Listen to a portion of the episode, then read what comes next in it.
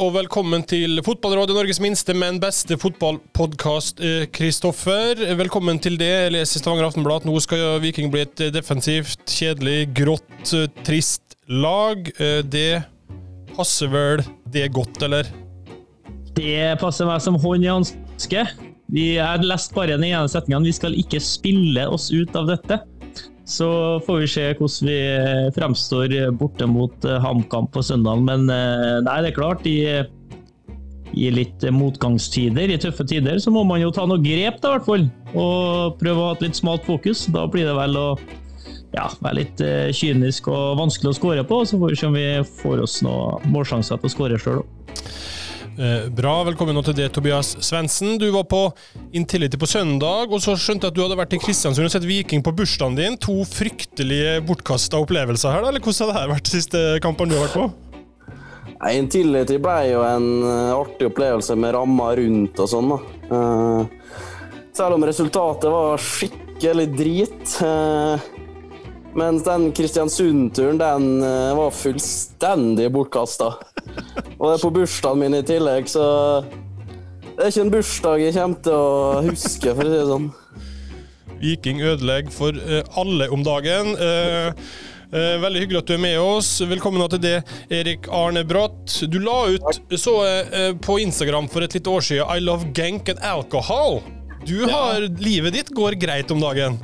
Ja, ja, nå er jo livet helt siste to åra vært helt totalforandra. Altså, når jeg flytta hjem, så var det rett inn i covid, så jeg fikk ikke utforska den deilige delen av livet med en gang. Men eh, på høsten i fjor, da begynte det å beherska åpenbart. Men eh, ja, det har vært ganske kok siste året. Bra, da. Men beherska, selvfølgelig.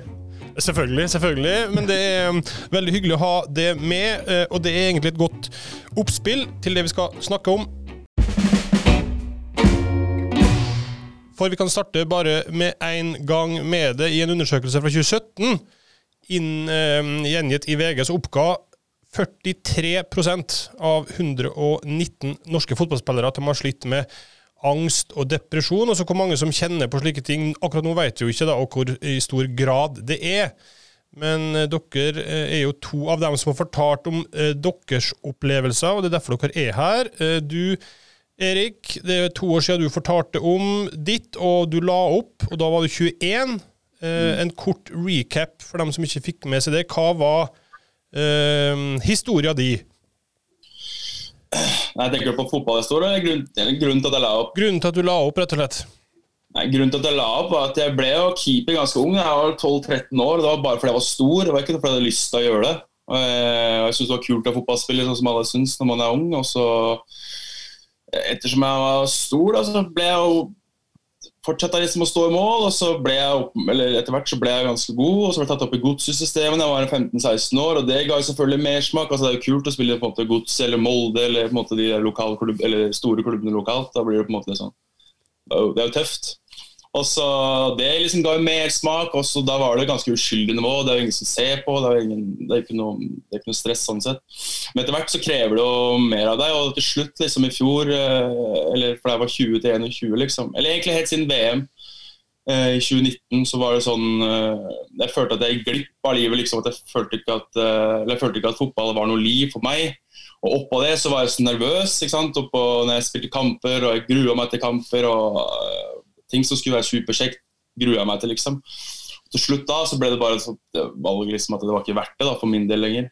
Eh, så Det er på en måte de, de store linjene. Da, at det var liksom, den kombinasjonen med at jeg ville utforske en annen del av livet samtidig som at jeg ikke syntes det var noe kjekt. og var, var, var så mye nervøs. Mm. Den kombinasjonen der var liksom Plutselig så sa det bare stopp inni meg. liksom. Det kom nok litt forventa liksom, for folk rundt, men uh, Nei, uforventa, mener jeg. Men mm. de sa bare bom stopp en dag. Så har jeg på en måte ikke angret et sekund siden det.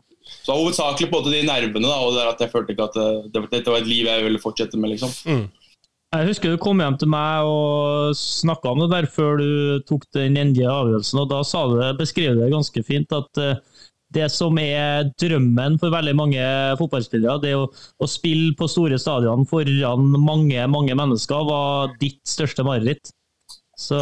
Det, det, det, har det egentlig alltid vært. Eh, altså, jo flere Altså For meg har det egentlig vært mest nervøse Eller ikke nervø eller det jeg liker minst, det er liksom å spille fram mye folk. I hvert fall som keeper. da Altså Som spiss så hadde jeg elska det. liksom Altså Jeg kunne gjerne spilt spiss for 100 000.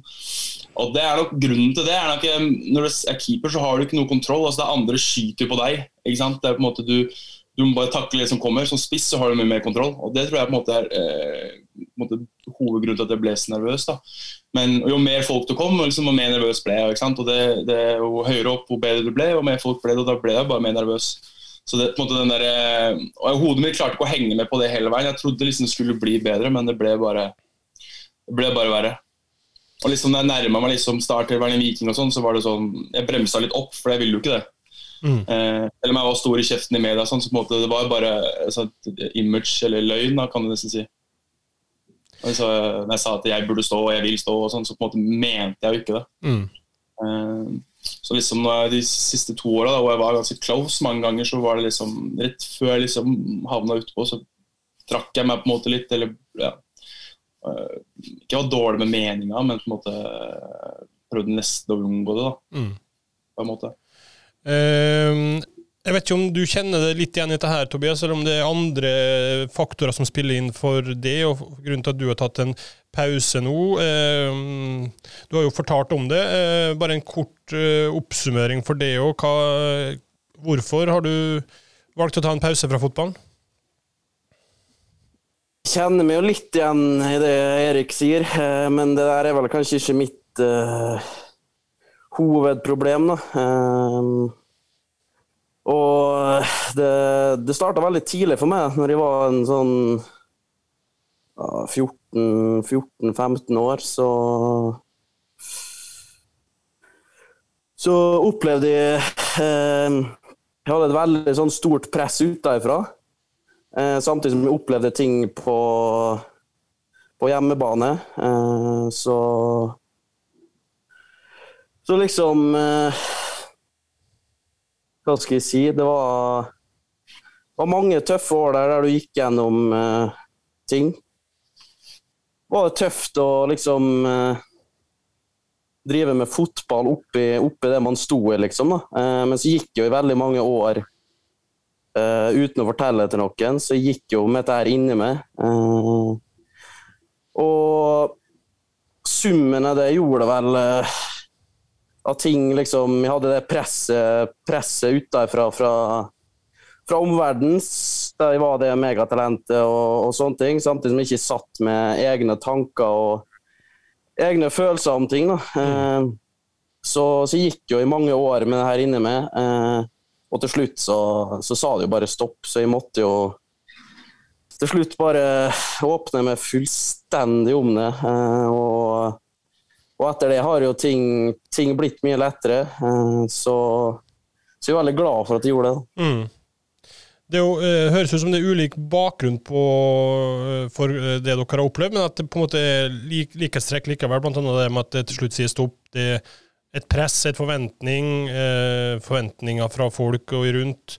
jeg vet ikke om du kjenner igjen Erik, det Tobias sier?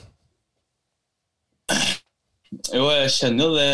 Altså, jeg hadde ikke den personlige opplevelsen han hadde. Jeg har egentlig hatt den samme følelsen hele veien. Men jeg, uh, Tobias var åpenbart mye tidligere talent, eller han var større talent enn meg og mer omtalt enn meg.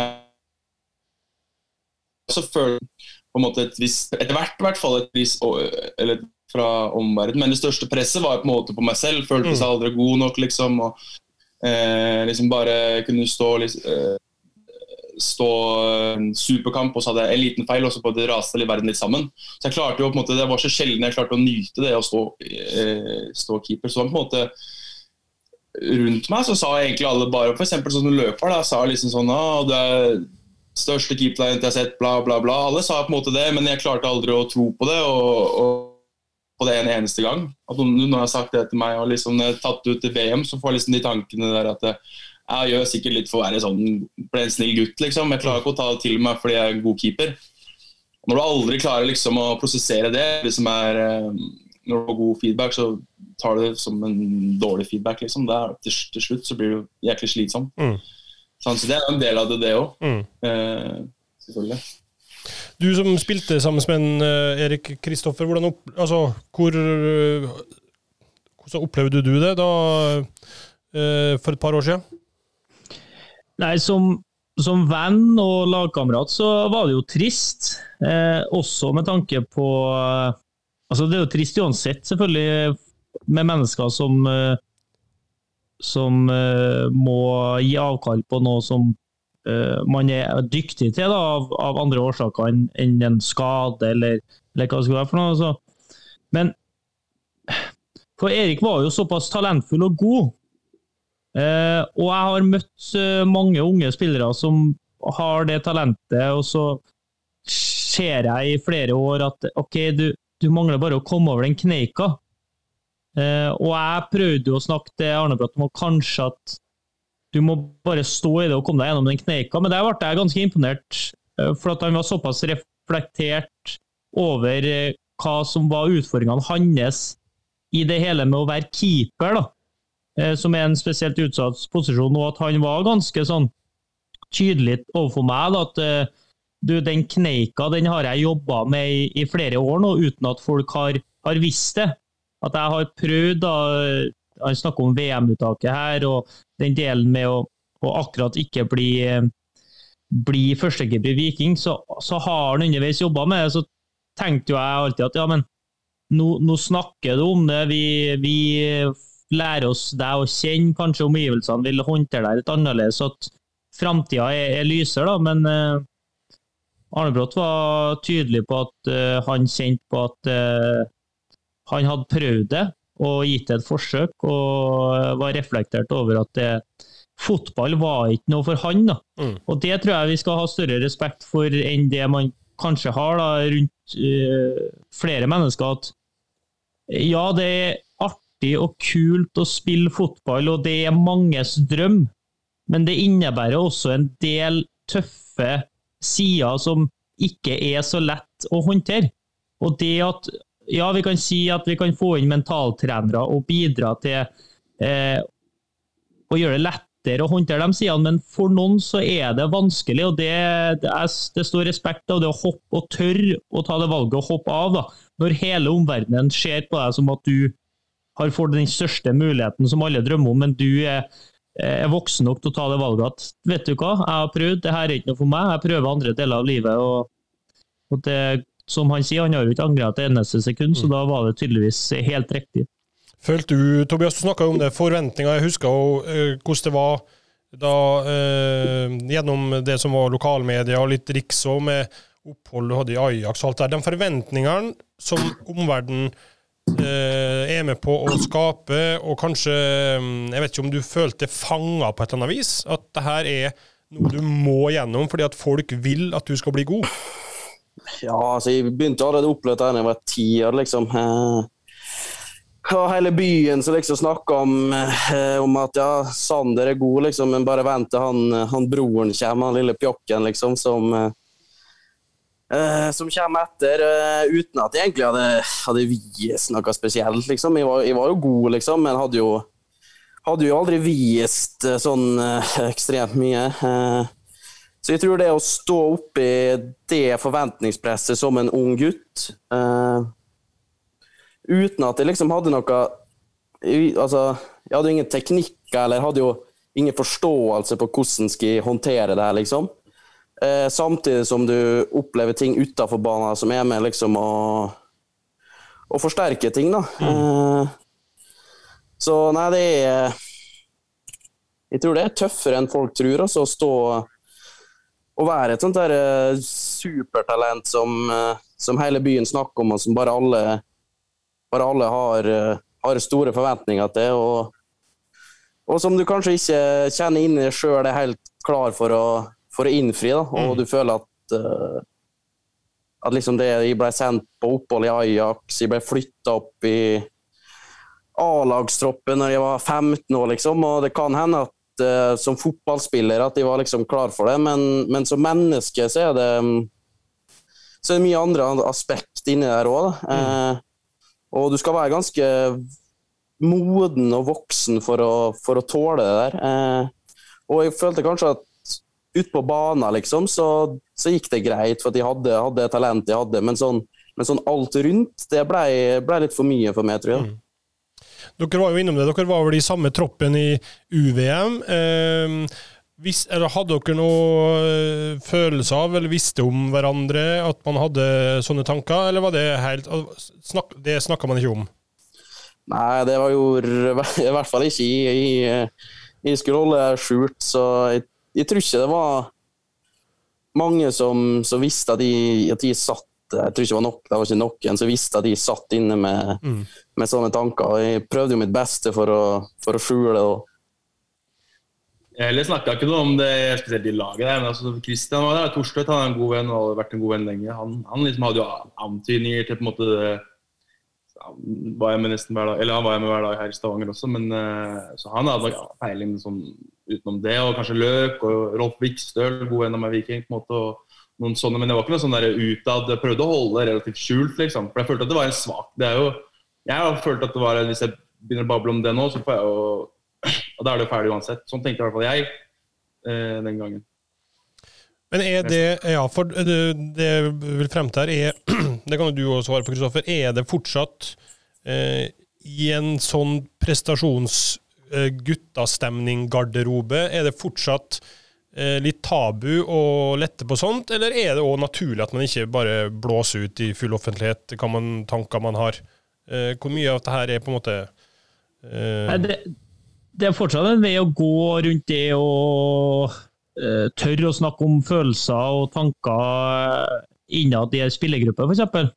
Eh, jeg føler at eh, ja, det er viktig og riktig at vi har f.eks. en mental trener som du kan lufte deg litt til osv., men enda sterkere er det jo hvis dine lagkamerater, som også dine venner, vet om at du kanskje har det litt tøft. da. Kjenner kanskje til at når du går på fotballbanen, så så skal det bare én liten feil til før du krymper, mens du må gjøre ti gode ting før du kanskje klarer å vokse og, og spille på deg selvtillit. At man tør å åpne seg og kjenne hverandre som mennesketyper eh, på den måten, tror jeg hadde vært eh, utviklende for et lag. Da. Og kunne ha hjulpet at flere hadde klart å, å få fram det beste i seg sjøl. Eh, enn at eh, selvfølgelig man lufter seg overfor en, en tredjepart, men men kanskje det gjør jo ikke at jeg eh, forandrer meg overfor den og den spilleren, f.eks. I måten jeg gir feedback på, i måten jeg kommuniserer med vedkommende osv. Samme som i alle andre settinger, at alle kjenner jo til at du må eh, Måten du tar til deg læring f.eks. For er forskjellig, og måten du tar til deg eh, kommunikasjon fra omverdenen er jo også forskjellig. Skal, enkelte kan man være tøff, tøff med, andre må man være mer varsom med. Og Det er ikke alle som klarer å, forstå det uten at det faktisk er snakka om. Da. Men, men det, det, er jo vanskelig å komme dit. og Det er det her opplest og vedtatte tøffe miljøet. sant? Og, og, det her gjelder jo ofte unge spillere som kommer opp en ny i en spillergruppe. Så det å ta det steget der at gruppa vet det, eh, det kan være, kan være vanskelig. da. Og da må du være ganske observant da, ellers og, og klare å, å, forstå det for at du skal trykke på de riktige knappene. Hvis man snur på det, da, Tobias, for din del, når du først på en måte har fortalt om det, eh, hvordan har spillergruppa, kanskje Gjermund Aasen spesielt, vært tatt imot det? Nei, Jeg var litt sånn spent på det, liksom. Eh, jeg husker jeg dro jo hjem i, i to uker og var her eh, i Molde. Og så kom jeg jo tilbake og var litt sånn spent på hvordan, eh, hvordan spillergruppa liksom eh, håndterte det og sånn, men, men det var kun kun støtte og kjærlighet. og liksom, Jeg ble egentlig nesten liksom positivt overraska. Liksom, at faen, de, de, tar det så fint. Liksom. Det, det, var så enkelt å gjøre det. liksom. For Jeg følte liksom at det gikk en dag, og så kunne jeg bare være 100 meg sjøl igjen. liksom, Og så var jeg jo litt, uh, litt heldig at jeg hadde både Gjermund og Pål, uh, som, som liksom som tok veldig godt vare på meg i starten her og liksom prata med meg, og vi kunne prate om det, og vi kunne, vi kunne kødde litt om det etter hvert òg, liksom. Så, så, det ble mye enklere enn jeg, enn jeg hadde forestilt meg, og jeg tror at det gjorde at det jeg gjorde, da, eh, løfta takhøyden litt i den garderoben vår òg. At vi Det er ikke så farlig å prate om ting og, og sånne ting. Så altså, det var egentlig en egentlig en fin opplevelse, det å komme tilbake der og kjenne på, Mm. Kjenne på hvordan de, de tok det. Eh, for det, Erik, da det liksom var skal Jeg vet ikke om jeg kan bruke det ordet, men da det liksom på det var på det mørkeste eller verste eller vanskeligste, hvordan, hvordan var det for det? Det aller mørkeste var egentlig høsten før. Jeg slutta på, i mai 20, eh, 2020. Høsten Jeg kom hjem fra Tromsdalen, altså VM, og så gikk det rett til Tromsdalen. Hadde sluppet inn 50 000 mål i Tromsdalen. og Det var på en måte altså det, det store vendepunktet i hodet mitt Jeg hadde alltid tenkt på liksom, fra jeg var ung, men det store vendepunktet var liksom rundt VM, da jeg kom til Tromsdalen. og liksom eh, Jeg kom hjem på høsten der, og det var liksom rett tilbake som tredjemann og Viking 2. Eh, men det, måte, det som irriterer meg, da, at jeg irriterer meg litt, er at eh, du i hele godssystemet, i vikingsystemet òg, for all del, eller de fleste eliteserieklubber og NFF og alt, så er det sånn F.eks. Tobias, da, som er et ung talent, 14-15-16 år. Alle tror sikkert at livet hans er helt fantastisk. Det er mye, er mye mer fokus på det for unge folk, liksom. Eller at uh, klubbene må på en måte være mye flinke til å gi det tilbudet, eller NFF må gi det tilbudet at liksom, problemene kan bli løst. Man er ung, det er sikkert mye lettere å måte løse problemene på veien, istedenfor at man, går, man må på en måte sprenge før du kommer ut, sånn som i tilfellet til meg og Tobias. da. Det er ikke alltid like lett for en 14-15-16-åring å liksom gå til en psykolog, og de veit kanskje ikke at det nesten eksisterer, eller at det, måte, det, er et valg som er smart. og det du er jo, En fotballspiller er jo ingenting hvis du ikke har hodet med seg. Du kan være så god du bare vil, så lenge du ikke har hodet med seg. Så jeg på en måte undrer meg litt at både store klubber som Viking og Godset, som jeg har vært i, jeg vet ikke de andre klubbene har At ikke det er mer oppfølging fra ungdomsalderen. Altså liksom at det ikke er med når du kommer opp som talent som 15-16-åring, så er det jo ingen tilbud. Null. I hvert fall etter min erfaring. Eh, og det er erfaringa både i de to klubbene og NFF også. Det er på en måte Så jeg mener ting kan bli tatt mye tidligere. Altså jeg har hatt, etter jeg la opp, da, så har jeg snakka med tre uten nevne navn, da, men tre liksom superkeepertalenter. Null oppfølging har jo de også. De vet liksom ikke hva de skal gjøre. Jeg kan bare fortelle hva jeg tenker og hva jeg føler, men, men eh, de også syns liksom det er uh, føler at, føler at de taper da, hvis de går ut offentlig med det. og Da havner du bare tre hakk tilbake. Og, så jeg mener på en måte Det er et grunnleggende problem tror jeg på en måte, i hvert fall i norsk fotball. at Det er jo ingen oppfølging fra ung alder. Mm. Du må liksom bli 20-25 liksom, før, og det må toppe, eller det må som, som toppe seg da, før man gjør noe som helst. og Da kan det være for seint. Sånn som det er i jeg og Tobias sitt tilfelle. Jeg er overbevist om at jeg kunne vært løs hvis jeg på en måte hadde visst, eller hvis jeg hadde vært hadde holdt på med liksom eh, holdt på med dette over tid, fra jeg var 15-16 år. liksom Bearbeida det hele tida. Men den eneste bearbeidelsen jeg hadde, var jo inni hodet mitt og med foreldrene mine, liksom. Men det er på en måte begrensa hvor mye Mm. hvor mye det hjalp, da. Så jeg mener det er et, et De kommer til å miste en haug av talenter, liksom. Og det en haug av talenter fremover i tid. Om man ikke liksom blir bedre på det der. Men det er et stort problem. Ja, fordi man rett og slett ikke er flink nok til å plukke det opp tidlig nok, eller altså, tilby, ikke eller bare det er ja. nesten, I hvert fall jeg har erfart, jeg vet ikke de siste to årene, nå har jeg ikke vært inne på to år. Men totalt det er Ingen til stede. Jeg har ikke hatt tilbud om en idrettspsykolog en eneste gang. Jeg, før jeg kom på A-laget til Viking, da fikk jeg det jo til slutt. Eh, men jeg hadde jo måttet gå privat uh, til to Snakka med to private, da, men det måtte jeg gjøre fra jeg var 17-18 år. Uh, Funka til dels, liksom, men det burde bli tatt tidlig. Ikke sant? I hvert fall så er jeg superstort talent, sånn som Tobias. Det er jo ikke så stort talent, men han er jo sikkert ikke så lett når du er ung og du vet ikke bedre, og så tror alle at du har det bra, og så er det litt flaut eller vondt å fortelle andre at du ikke har det så bra. Og så, eh, men ja. Mm. Hva skal du si, Kristoffer? Ja, for at man opplever jo ofte at uh, U-landslagsspillere, altså de største talentene, kan jo ende opp med å bli forbigått av folk man aldri har hørt om, aldri har vært på et kretslag, aldri har måte, vært de store talentene.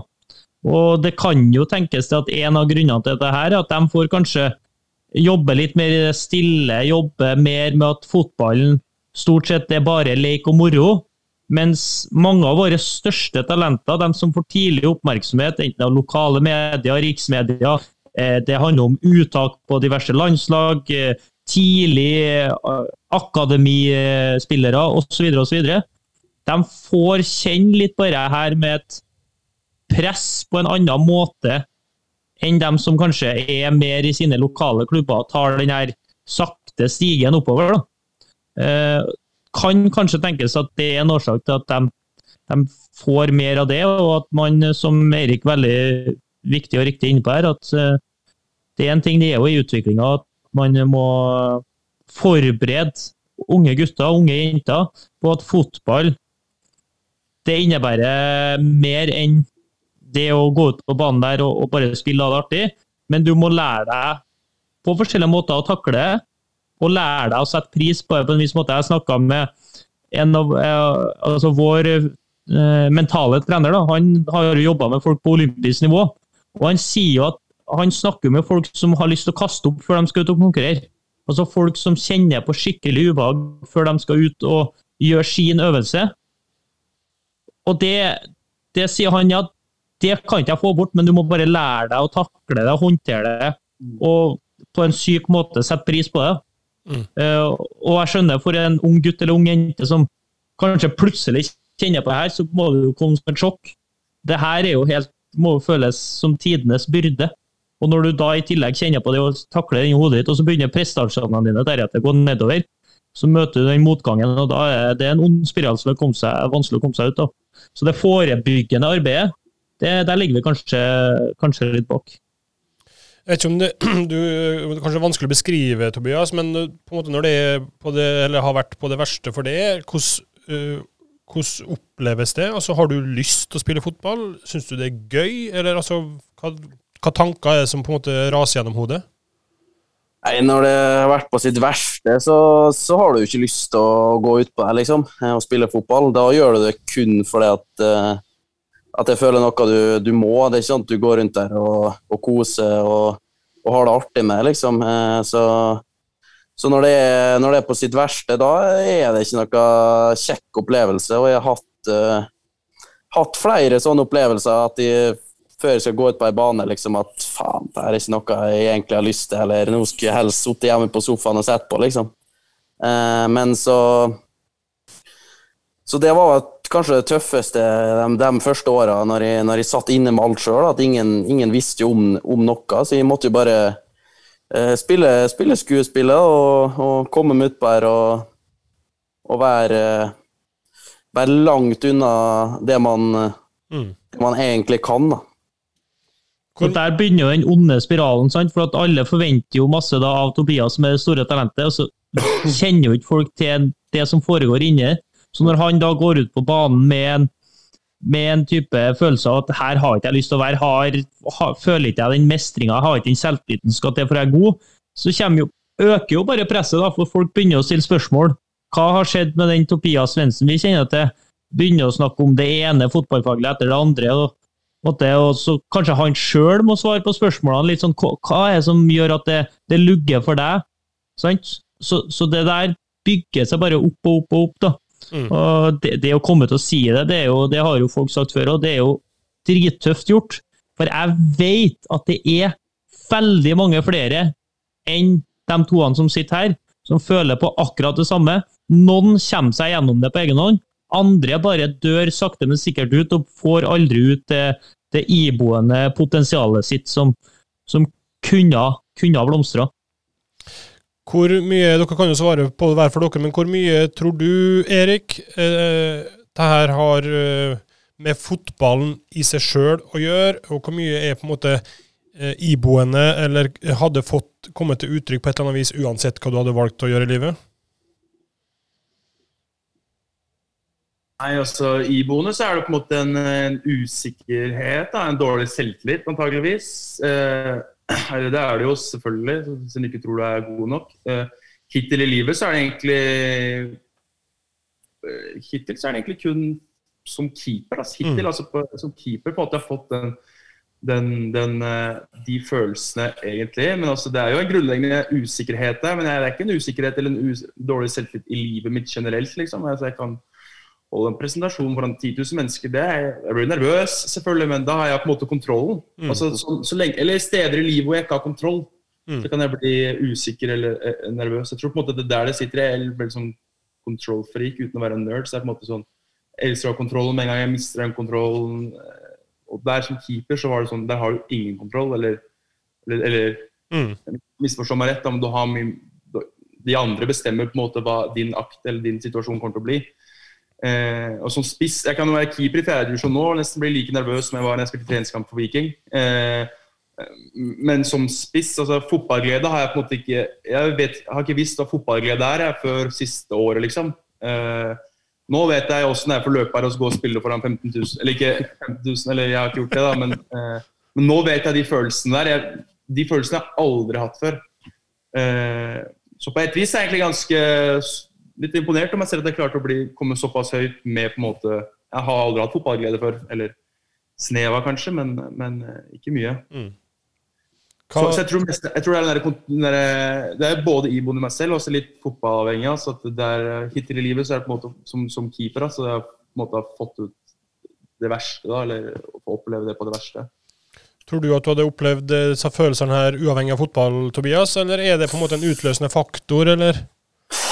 Det er vel ikke en utløsende faktor, men det har kanskje vært med å trigge følelsene mine litt. da. Eh, At jeg liksom har hatt det, hatt det dårlig sjøl utafor banen. Eh, Og så er det at med den situasjonen jeg har vært i, at jeg har vært det talentet og hatt de forventningene og, og sånne ting samtidig som jeg har sittet i mine egne problemer, da, Mm. tror jeg bare den, hele den komboen her har bare vært en, en skikkelig ond, ond sirkel, eh, rett og slett. Så så jeg tror nok jeg hadde sittet med en del problem uavhengig av fotballen, men at den har vært med å, å forsterke ting og, og, og sånne ting, det, det har jeg vel, har vel funnet ut, og det er jeg ganske sikker på at jeg har gjort.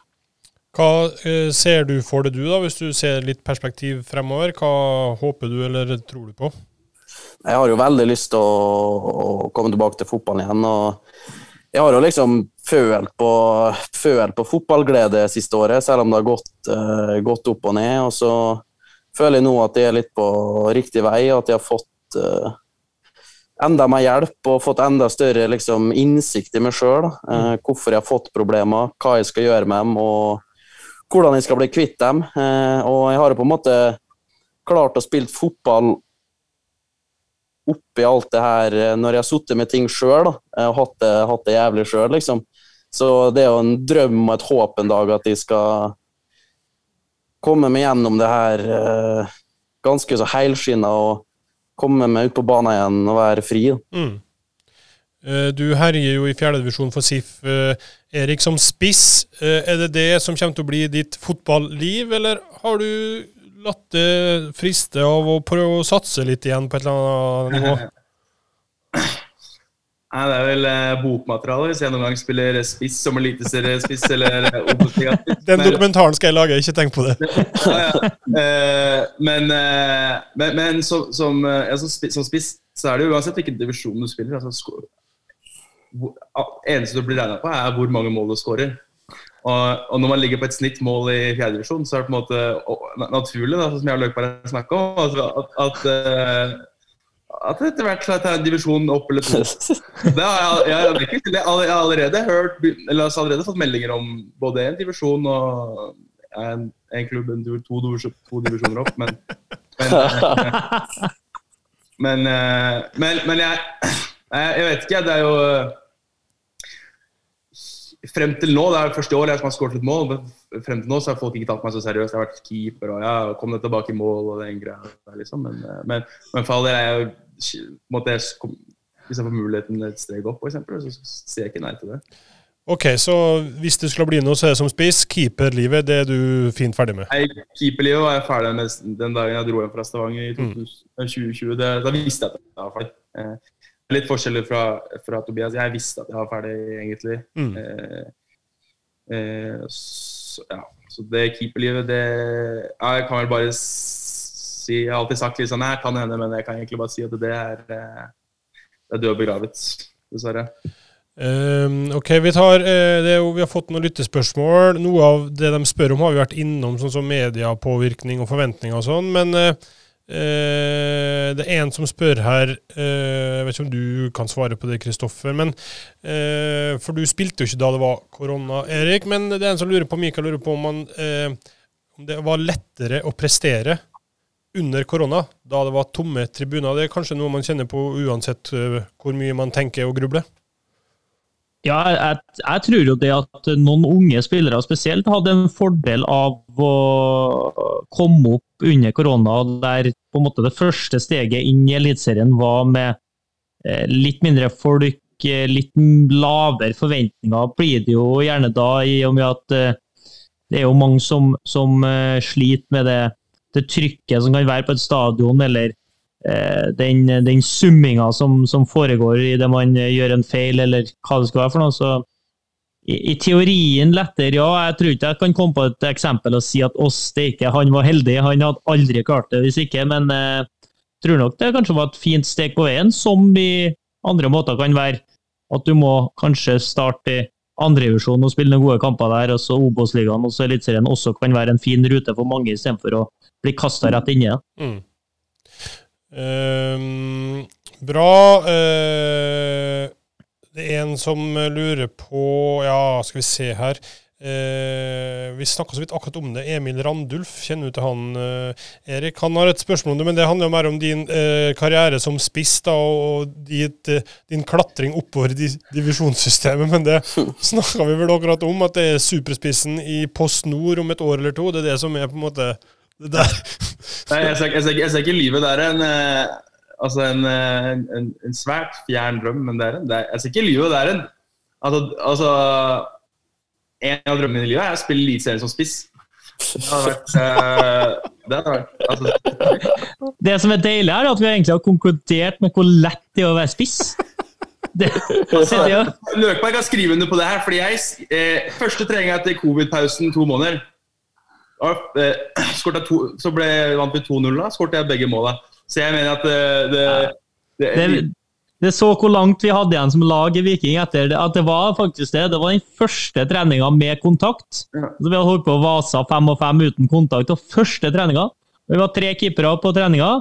Og Arnebrott da var kjapt å melde seg i det det var odde, oddetall, så vi fikk jevna ut laget. Arnebrott på høyre kant. Arnebrotts lag vant til 2-0. To mål. Ja, jeg har jo alt. Jeg er jo stor, jeg er sterk, jeg er blitt rask, eh, skyter hardt. God på hodet. Nei, så jeg bare følger med. Ja, Rekdal leter jo etter en sånn gratisspiss nå. um, Vegard Bjørgå spør, du kan uh, ta det, Tobias. Hva hadde eh, Erik og Tobias fortalt til en ung gutt på vei opp uh, for å takle kjøret basert på sine opplevelser?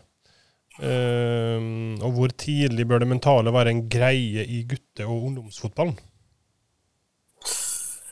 Nei, det jeg ville sagt, er jo på en måte at, uh, at det viktigste uansett, da, det er å ha det kjekt med fotballen hver dag, liksom. Uh, at du ikke må gå rundt og tenke at det er ting du må, bør eller skal. At du må prestere på den treninga der for at du skal dit, eller og du kommer i en kamp og jeg må prestere her for at de skal bli tatt ut på, på kretslag eller landslag eller sånne ting, men at, at den hverdagen, at du klarer liksom å kose på trening hver dag og, og liksom komme på trening og ikke bare eh, spille safe og sånne ting, men tørre å utvikle det òg. Tørre å møte opp i kamp og, og prøve litt på ting som du, du kanskje ikke er så komfortabel med og, og sånne ting. Um, og der var jo vi veldig sånn at når jeg kom på var tidlig oppe på A-lagstreninga, sånn, så var liksom det viktigste for meg var liksom eh, ikke gjøre feil og unngå å liksom bli, eh, bli skjelt ut. da. Eh, det var liksom mm. så, så, mitt råd, og det er litt sånn som jeg har prøvd å gjort litt nå når jeg har blitt litt eldre og vært i Lillestrøm og ser at når det kommer opp unggutter, liksom, at, at de, du må liksom la dem få prøve og feile litt. da. Du må ikke sage haug av en viss hvis han kommer på trening og, og tør å drible og, og sånne ting. Um, så det er noe som, uh, som jeg hadde råda han til. At uh, kom på trening og, og vær deg sjøl og, og tør, å, tør, å, gjøre feil, egentlig. Mm. Eh, bra. Et siste før vi går videre. Eh, Eirik Thorberg spør hvorfor gikk de ut i media? Eh, hva var din grunn til det?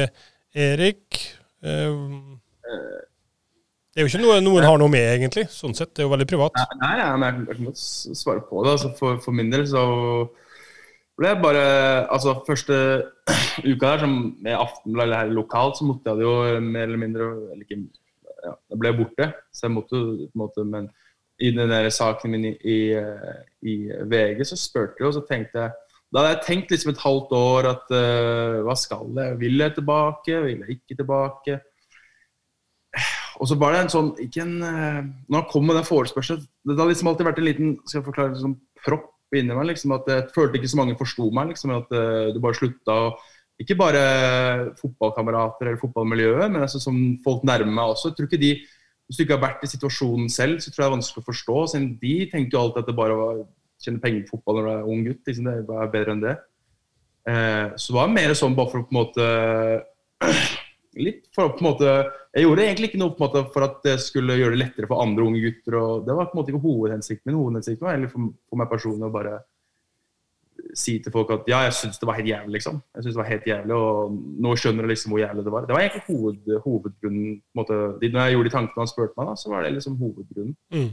Eh, og så er det bieffektene med at det på en måte i ettertid på en måte har eh, Jeg har kommet i kontakt med noen andre unge talent, eller unge gutter og sånn, men, eh, men, det var ikke hovedprioriteten min, sånn som mange andre har. da. Så det var liksom, det mest for min personlige på at, at folk skulle forstå meg litt bedre. For jeg tror ikke det var så mange som skjønte hvorfor jeg bare Jeg gjorde det litt sånn plutselig for omverdenen. Mm. Så det var egentlig hovedgrunnen.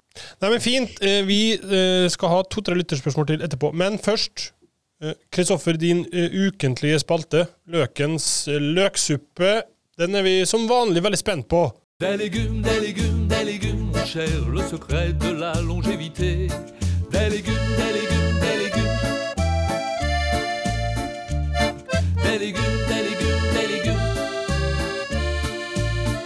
Det er jo trist, da, når mennesker dør.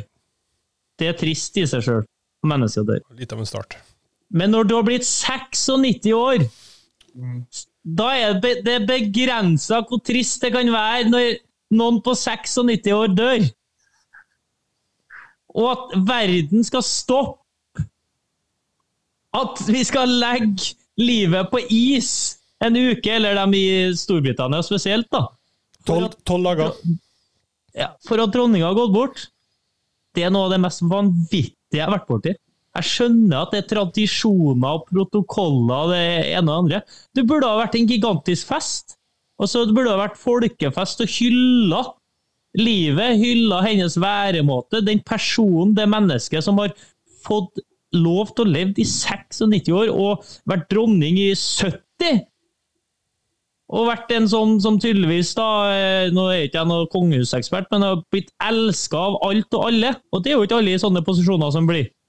Så burde det vært håndtert på en annen måte. Jeg, jeg klarer ikke å forstå Er det noen som, er som syns at sånn må det være det på sin plass, eller er det bare vi gjør det for at det skal være sånn? Jeg vet ikke. Det vet ikke jeg heller, men det er i hvert fall sånn at det er landesorg i England i tolv dager, tror jeg.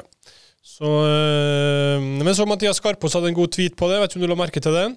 Nei, det har ikke skjedd. Eh, før i dag eh, var siste ord i denne her ranten mot at folk som er gamle, det ikke skal minnes. Eh, det var veldig knallhard melding, egentlig, men ok, ja, greit. Ja, men, Nei, men altså, det, får, det, får. Det er jo mest naturlige ting. Ja da. Men det kan være trist likevel. Mathias Skarpo sa trist at dronningen ble revet bort så altfor tidlig, men jeg er klar for å vende tilbake til hverdagen her i Norge, jeg altså. Og det kan vel vi kan være enige i det, kanskje? Vi trenger ikke stoppe opp i Norge. Oppsummerer godt. Ja. Det var ett minutt stillhet på Aker stadion i går, så jeg føler at jeg i hvert fall har uh, fått, uh, fått sørga. Og så går jeg videre i livet i dag. Ja, kjempebra. Godt løst. Vi tar uh, et par lyttespørsmål. Tarald har sendt inn. og det er et spørsmål til Erik. da. Hvorfor viste GPS-en til Arnebrott så høy topphastighet borte mot Sogndal 2? Uh, ja, for å begynne med Tarald, han er jo fysioterapeut i Viking. Mm. Uh, nei, greia var at vi har de der brikkene. Tobias, var kjent med de der, de der brikkene? Ja, ja, vesten og brikkene. Ja. Bruk, men jeg, nek, bruker dem ikke. Jeg, bare, jeg hater den vesten, så jeg bare dropper den. ja, men jeg, jeg gjorde sport det der siden jeg var keeper, så jeg var jo uh, Selvfølgelig, jeg løp alltid minst, og det var alltid treigt, eller treigest og minst og alt det der. Så det var bare et helvetes dritt i de brikkene. Jeg skjønte ikke hva jeg skulle med de. Og så var jeg borte og spilte kamp bort mot Sogndal 2, og jeg sto nesten bare stille den kampen. Eh, og så tenkte jeg faen, de må jo se at jeg har gjort noe, så jeg tok meg den eh, Etter kampen så gikk vi inn i bussen, og så tok jeg på meg den Hadde jeg gadd ikke å levere tilbake den brikka, bare lot den stå på. Og tenkte jeg kunne gå litt inn i bussen liksom fram og tilbake og, og få noen skritt. Da. Men jeg tenkte faen ikke på at bussen går jo framover i 70 km. Så all den gåinga der var jo bare Det var, det var ikke vits i det hele tatt, gåinga. Jeg tenkte Jeg var helt fjern, så jeg tenkte ikke på at eh, bussen gikk fremover. Så jeg fikk ikke tall på den dag, der. Det var jo mange mil jeg løp den dagen der. Så, Og ikke minst fort. hæ? Og fort. Og fort, jeg var jo Vikings beste spiller den dagen der. Men eh, nei, det var bare et eh, liten hjerneblødning den dagen der. ass. Men, eh, men tanken var god. Og det ble en god, det er en eh, historie som går i gangene på Vikingstad. Så det var en god, det var, en, eh, det var verdt det. Selv om jeg fikk kjeft, så var det verdt det. Så, Eh, veldig bra. er helvete, altså. De brikkene der. Jeg skjønner ikke hva en keeper skal med de brikkene der. Alle ser at jeg står stille. Jeg trenger ikke å poengtere det. Var det ikke Nå er han lett å ta, han, men var det ikke han Gunnarsson som fikk krampe her i en kamp, eller late som, eller var det en annen keeper? Rett Gunnarsson har ofte, ofte krampe, ja. krampe, ja. Mm. Nei, jeg skal, jeg skal ikke snakke på andre keeper, men det er, det er fysisk umulig å få krampe som en keeper. Det er fysisk umulig. Altså, Du står jo bare stille. Mm. Ja, jeg- på, når hvis vi har på den greia en kamp, det er 3-4 km liksom, på 90 minutter, eller maks M. da. Og, og det er gåing i ring, liksom, nesten. Nei, det er umulig å få krampe. Da vet, da vet vi det til neste gang det skjer. jeg, vet ikke, Alle kropper er sikkert forskjellige, men eh, ja. Eh, Stig André spør eh, Tobias, når dere kommer dagen før eller tidlig på dagen til bortekamp, kan dere ta en dag i byen dere er i, eller må dere være på hotellet og bare vente på kampen? Nei, vi kan jo ta en liten tur innom, eh, innom sentrumen og, og ta, en, eh, ta en kaffekopp og, og kikke litt. Det, det er jo ikke ulovlig, så det er i hvert fall noe jeg syns er litt kos. Å dra til, dra til nye byer og ta en kaffekopp og, og kikke litt på livet, selv om du ikke kan ta en del av det. Så, så syns jeg det er kos. Du òg liker det, Kristoffer? Litt av tur. Ja, og eh, folk, der er jo folk veldig sånn opptatt av at vi fotballspillere omtrent skal Ja, fra vi kommer hjem på, fra trening fredag, så skal du på sofaen og ligge med beina høyt og bælme vann og sakte, men sikkert bygge opp denne kampen. Men det er veldig viktig at du må senke skuldrene og gjøre noe. For vi snakker om det mentale her, så kan ikke du spille kampen oppi hodet ditt ti ganger før du går ut på banen søndag. Så du må trives og kose deg. Der har jeg lært mye da, etter å ha blitt eldre. For da jeg var ung, så, så slet jeg sjøl med at jeg, måtte, alt måtte være helt perfekt inntil hver eneste kamp. da. Og det bygde opp en alvorlighetsgrad av kampen som løfta til noe mye mer større enn det er. Så hvis du ser en fotballspiller som du føler at nei, han har da kamp snart, han kan jo ikke være her og spise, så ta heller en tanke om at han koser seg og slapper av og gleder seg til kamp i morgen.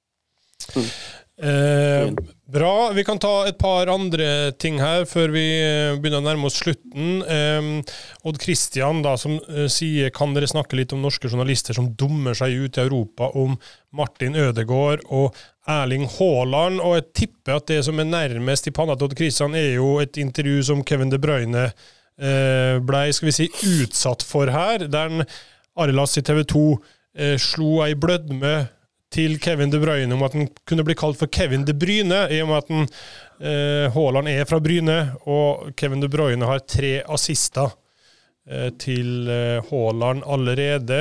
Det var jo mange som mente at det var topp nisseland, og så Arelas sjøl nekter for å ta kritikk på det. Han mener at såpass må vi tåle i Taputit-landet her. Hva eh, sier du, Tobias? Må vi tåle såpass, eller er det litt sånn uff? Jeg tror så er det norske journalistene i Premier League der nå, jeg tror de føler litt at de, de har styringa i Premier League der nå, når de har Ødegaard og Haaland. At, at det er Norge som liksom er det hot shit i, i Premier League. Og jeg tror, jeg tror de føler seg litt som hot shit der nede nå. Så, så nå liker jeg Arilas, da. Eh, Men, eh, men den derre Kevin De Bryne, da måtte jeg ja, måtte flire litt, altså. Men jeg tror det var litt at han sjøl bare følte som litt hot shit der nede nå. um, du, Kristoffer, har du noe innveiing her, du, eller? Går det ei grense for hvor mye Altså, Vi kan, Ja, altså, jeg, jeg blir jo litt sånn Du stiller opp foran det som arg, kan argumenteres for at det er verdens beste fotballspiller, da. De Bruyne, liksom. Og så spør du om kompisen. Det er sånn det, Der er det nesten uavhengig av hvem det har vært. Så hadde jeg kjent litt på den. Å ja, skal jeg, skal jeg snakke om han, liksom? Og, og det hele tida. Det er hele tida. Så det kan jo gå en grense her. Men hallo, vi har eh, to av de beste spillerne i Premier League per dags dato. Det er jo, det er jo ellevilt. Så jeg spør så mye du vil, bygg det opp, men eh, det, det går jo ei grense her. Og så var jo liksom ordspillet var seigt i hele den oppbygginga. Altså, akkurat den her altså den, Når han slår deg som et spørsmålstegn og ikke han, klarer ikke å koble det Kevin De Bryne, som om at han sitter og sitter hjemme og leser opp at ah, De Bruyne, Bryne, it's close. Nei, det, det er vanskelig, altså. eh, nå ble jo både Erling og Ødegaard nominert til månedens spiller Premier League, så det er jo, eh, det er jo nesten litt sånn at Norge dominerer Premier League for tida. Da. Det nærmeste vi har vært, i hvert fall noen gang, så det er klart at det er lett å ta av. Um, OK, en siste en her. Den er fra lavere divisjoner. Den er fra sjette divisjon. Fordi sjettedivisjonslaget Gudbrandsdølenes ballklubb de har aldri tapt en ordinær seriekamp, men de har heller aldri rykka opp. De ble stifta høsten 2019, og så ble det jo ikke noe fotball i koronaåret. Også i fjor så vant de ni, spilte én uavgjort. Så røyk de i kvaliken på opprykket. Nå står de med 8-1-0, og det som er da spesielt med denne klubben her, det er eh, følgende som de skriver sjøl, velkommen til Norges mest demokratiske fotballklubb, der folket bestemmer alt. Taktikk, lagoppstilling, faste situasjoner, kioskutvalg. Laget og klubben har ingenting de skal ha sagt. Alt blir gjort på avstemning via Facebook. Eh, og den eneste kampen de hadde uavgjort i år, var mot Roterud.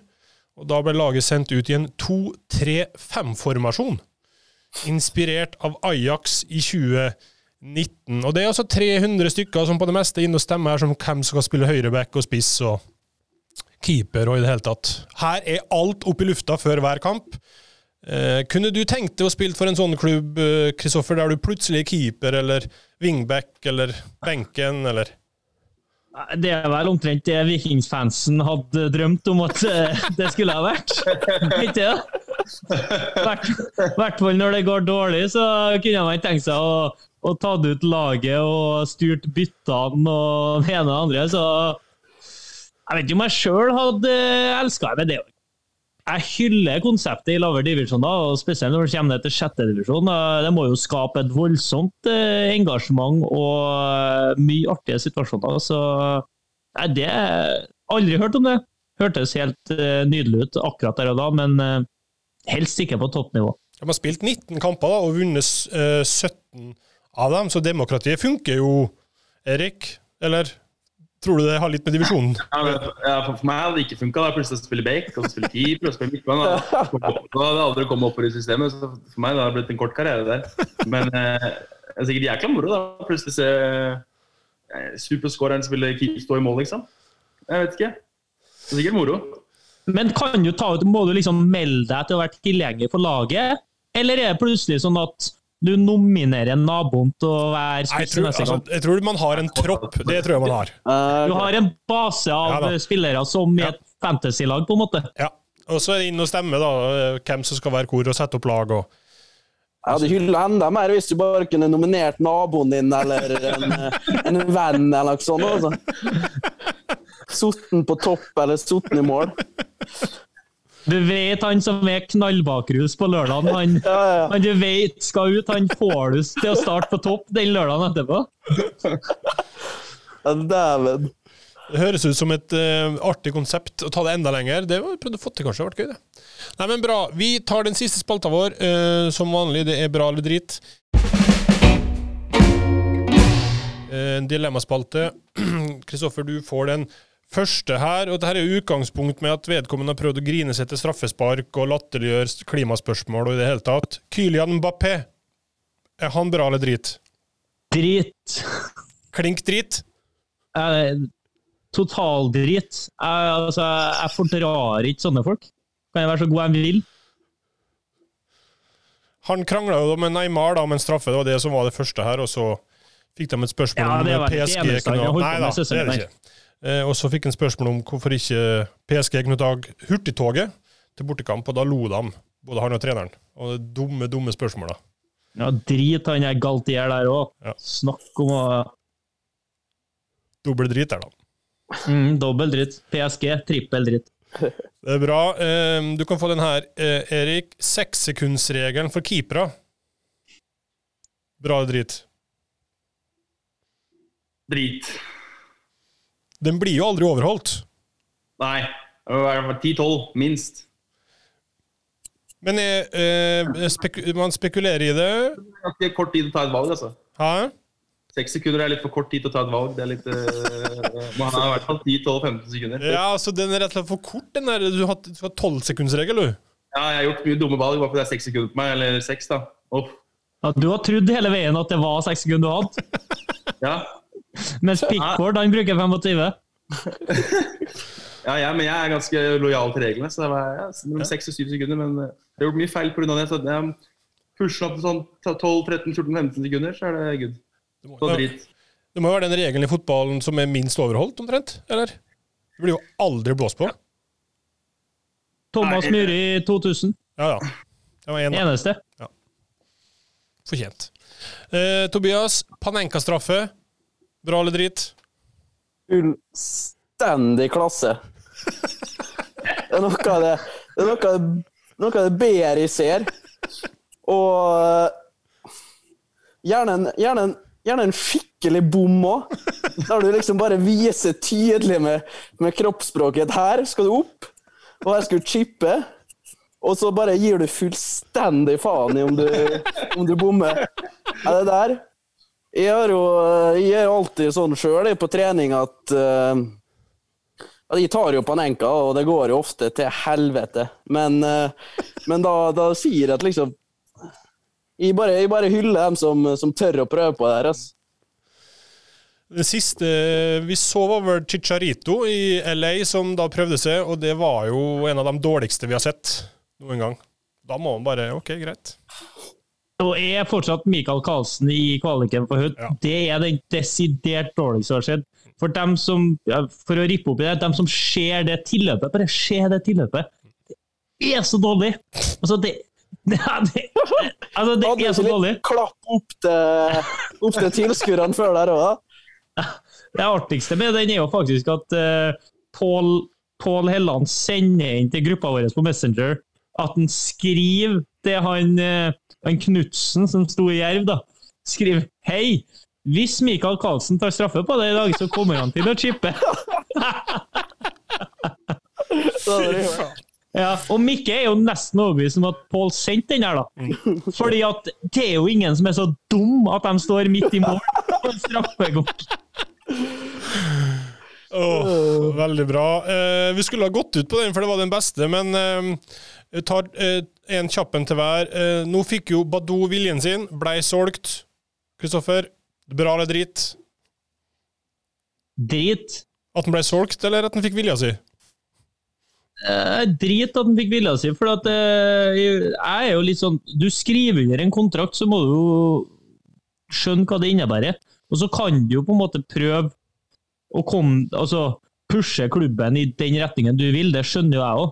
Men så får du beskjed om å komme deg på trening og spille, så gjør du nå det inntil du får en annen beskjed. Jeg syns det er en uting i fotballen at uh, spillere skal drive og uh, presse seg hit og dit når man har skrevet under en kontrakt. Da får man skrive under andre kontrakter, kortere kontrakter, ikke gå med på det. Eh, bra. Um, din andre, Erik. Eh, isbad etter kamp eller trening. Ja, det, var, det var drit, og så var det, var det andre ordet. Det var drit og Bra. Det er bra. Det er Ja. bra.